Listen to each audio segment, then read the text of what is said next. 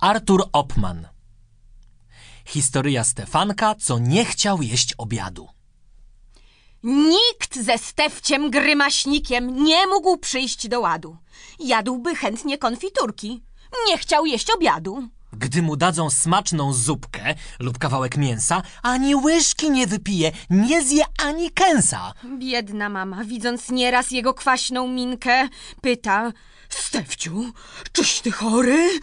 Zjedrze odrobinkę. Zjemy razem.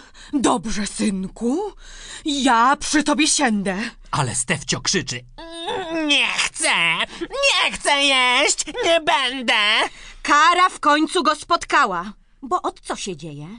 Pan Stefanek Grymaśnicki w oczach mizernieje. Dzień nic nie jadł, nie jadł drugi, osłabł tak na trzeci, że zaledwie kroki stawia, jak maleńkie dzieci. I nadziwić się nie mogą znajome chłopczyki, bo ma nogi pan Grymaśnik cienkie jak patyki. Na dzień czwarty, gdy z fotela ruszyć się nie może, począł Stefcio lamentować. Ratujcie!